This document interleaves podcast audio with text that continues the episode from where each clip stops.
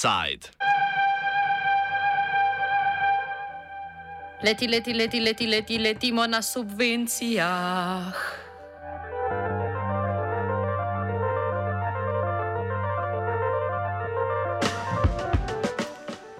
Ministrica za infrastrukturo Alenka Bratušek in ministr za gospodarstvo Matjaš Han sta predstavila program za večjo letalsko povezljivost. Napovedala sta, da bo država letališke pristojbine subvencionirala do polovice, za subvencije pa bo v naslednjih treh letih namenjenih po 5,6 milijona evrov letno. Državno pomoč bodo dodelili pod pogojem, da bo linija začela obratovati po vložitvi vloge za pomoč, ter da bo začela obratovati najpozneje do zimske letalske sezone 2023. Subvencije bodo na voljo za lete z vseh slovenskih letališč, prednostno za Dunaj, Kopenhagen, Atene, Skopje, Bruselj, Berlin, Madrid, Amsterdam, Helsinke in Prago. Poleg teh desetih destinacij pa bodo v primeru presežka denarja subvencionirali še sedem drugih linij, med drugim do Prištine, Rima in Pariza. Soglasje k državni pomoči mora sicer dati še Evropska komisija. Ministrica Bratušek pričakuje, da se bo to zgodilo do konca tega meseca.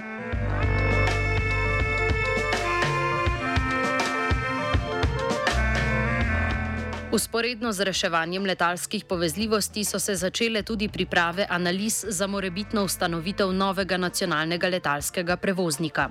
To je bila tudi ena od predvolilnih obljub ministrice za infrastrukturo Alenke Bratušek, generalni sekretar nekdanje stranke Alenke Bratušek, danes zlitev Gibanje Svoboda, pa je takrat subvencijam nasprotoval. Slovenija absolutno potrebuje, to jaz mislim, da je bilo zdaj v času te krize več kot jasno je lasten uh, prevoznik, avioprevoznik. Po propadu Adrije, mislim, da ste tudi v gospodarstvu imeli uh, preveč težav s tem in uh, po naši oceni je to absolutno uh, izvedljivo, tudi finančno uh, izvedljivo. Uh, glede na to, da je Slovenija v tej krizi ostala popolnoma izolirana od uh, vsega uh, tujega sveta in da je država reševala povezljivost z financiranjem in še vedno financira tuje letalske družbe, se nam v stranki SAP zdi bistveno bolj smotrno, da povezljivost države z destinacijami, katere so ključne, rešujemo z ustanovitvijo letalske družbe. Um, mi verjamemo, da je ta projekt uresničljiv do konca uh, naslednjega mandata.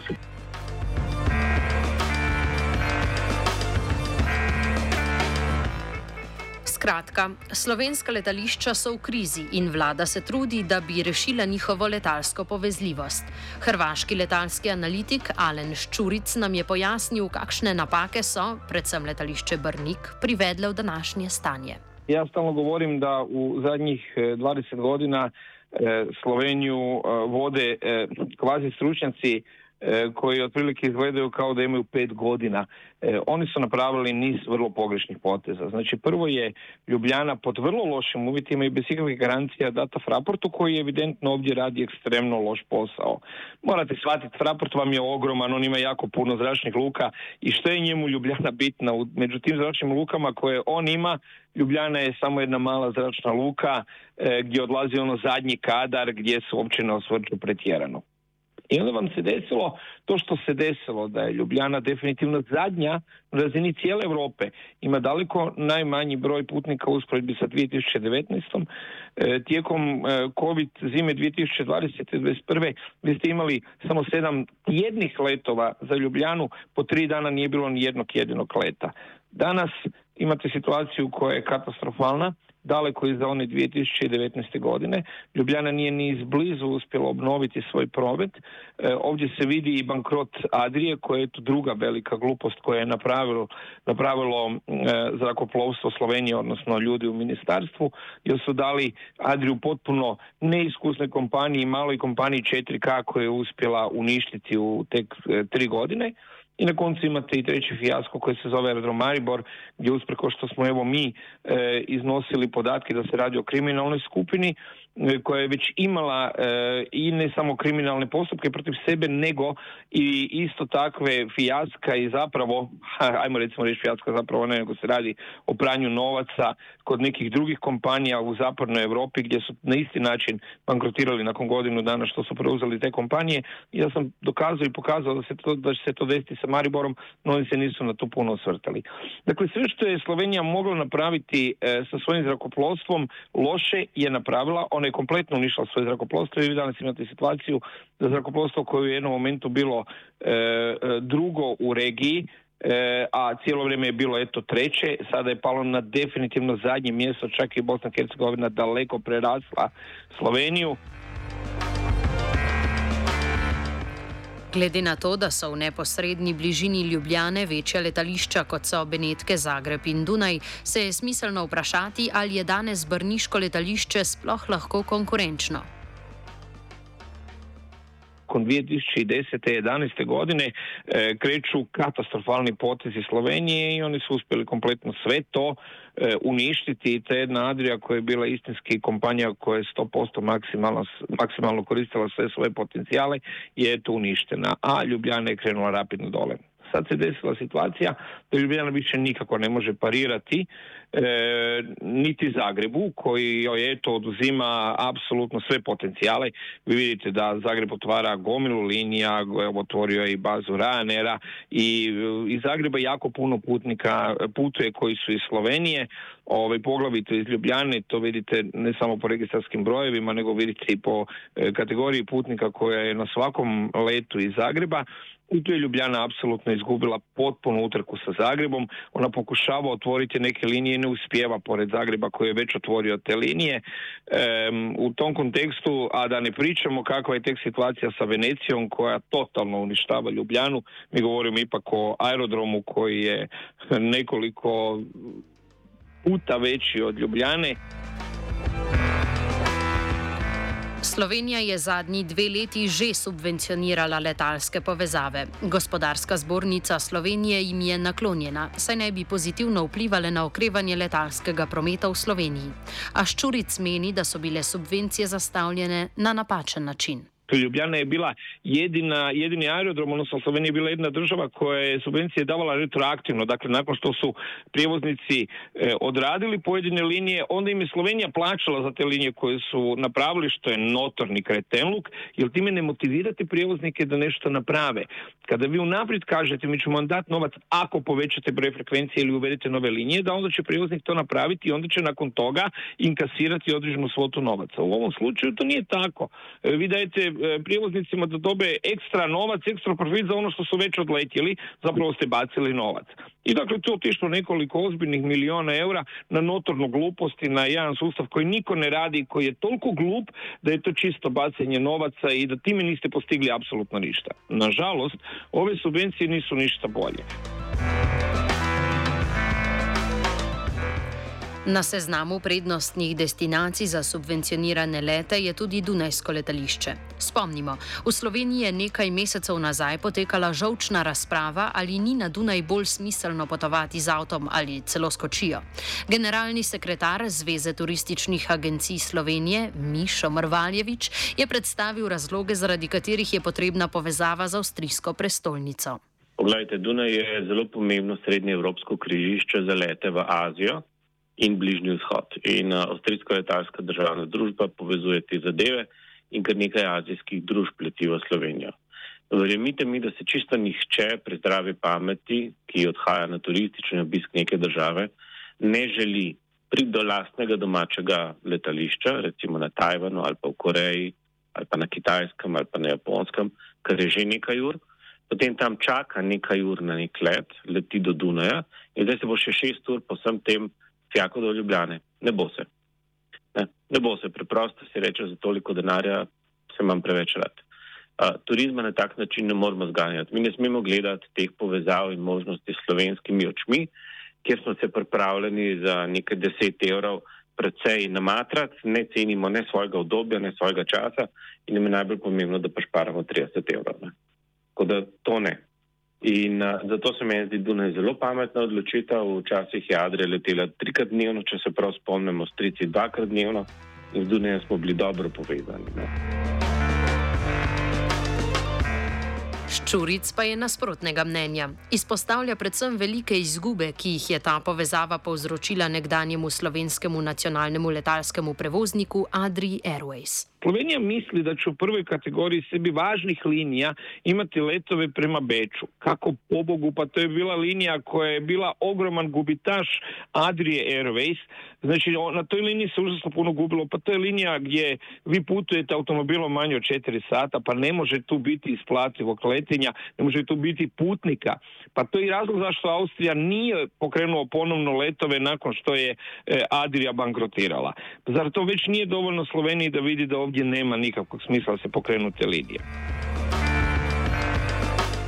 Pri letalskih povezavah v Sloveniji ponudba sledi povpraševanju. Mrvaljevič razloži značilnosti turizma v Sloveniji in posledično strategijo letalske povezljivosti. Tisto, kar zanima turizem v Sloveniji, ki je pretežno receptiven, se pravi tujci, ki prihajajo v Slovenijo, je pomembnost povezljivosti za čim manj zapleti do Slovenije.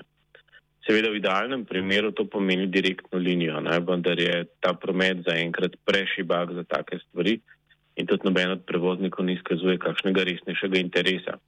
Torej, zato je pomembno, da se priključimo za čim več leti na neko odvozlišč v Evropski uniji, odkudar se potem da dostopati do Slovenije.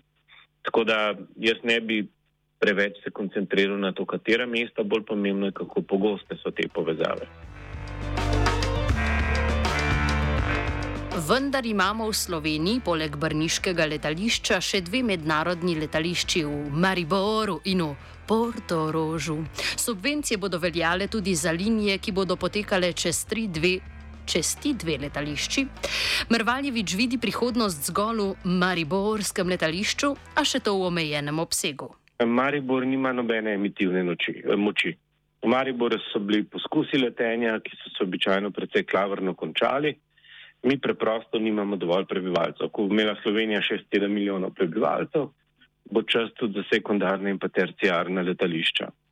Jaz osebno ne verjamem v nek razvoj, žal, niti Mariborskega letališča. Mariborsko letališče mora biti za poletni čas pa za sezonska letenja, ampak Portorož pa z vsemi omejitvami je dejansko lahko namenjen zgolj uh, poslovni aviaciji.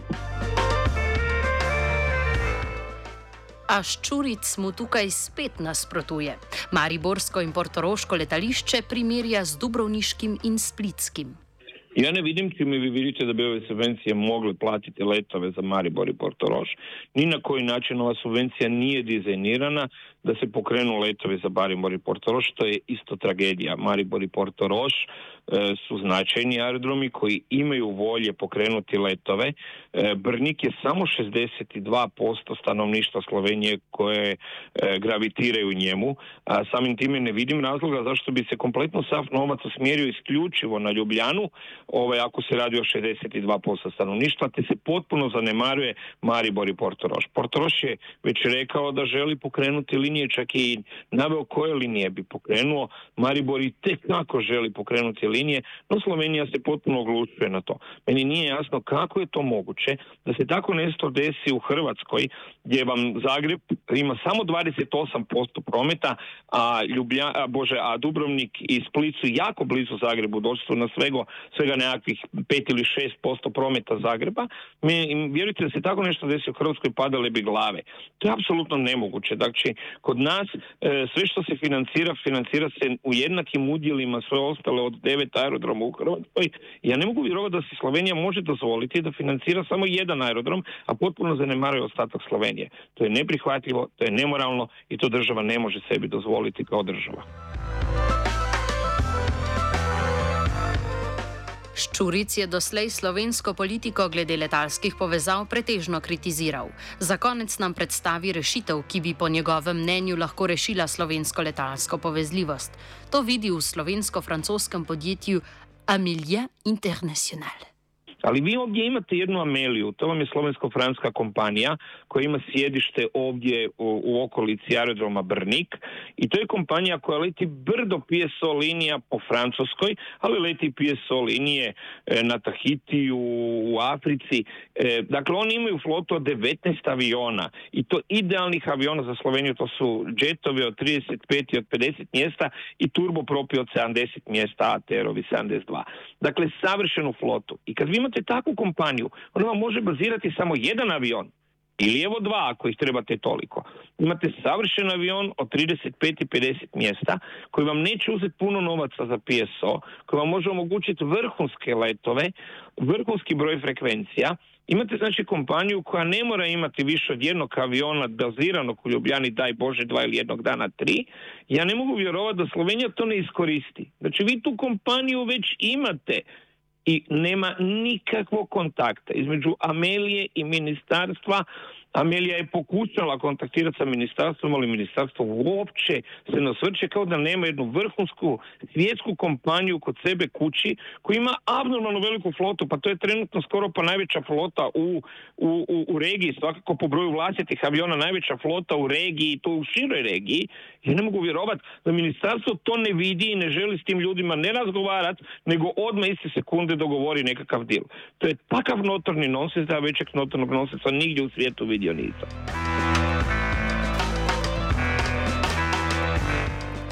Torej, ko bo naslednjič kakšen visok slovenski politik ali političarka potrebovala prevozno sredstvo za ogled Dunajskega gala koncerta, morda ne bo potrebovala vladnega letala.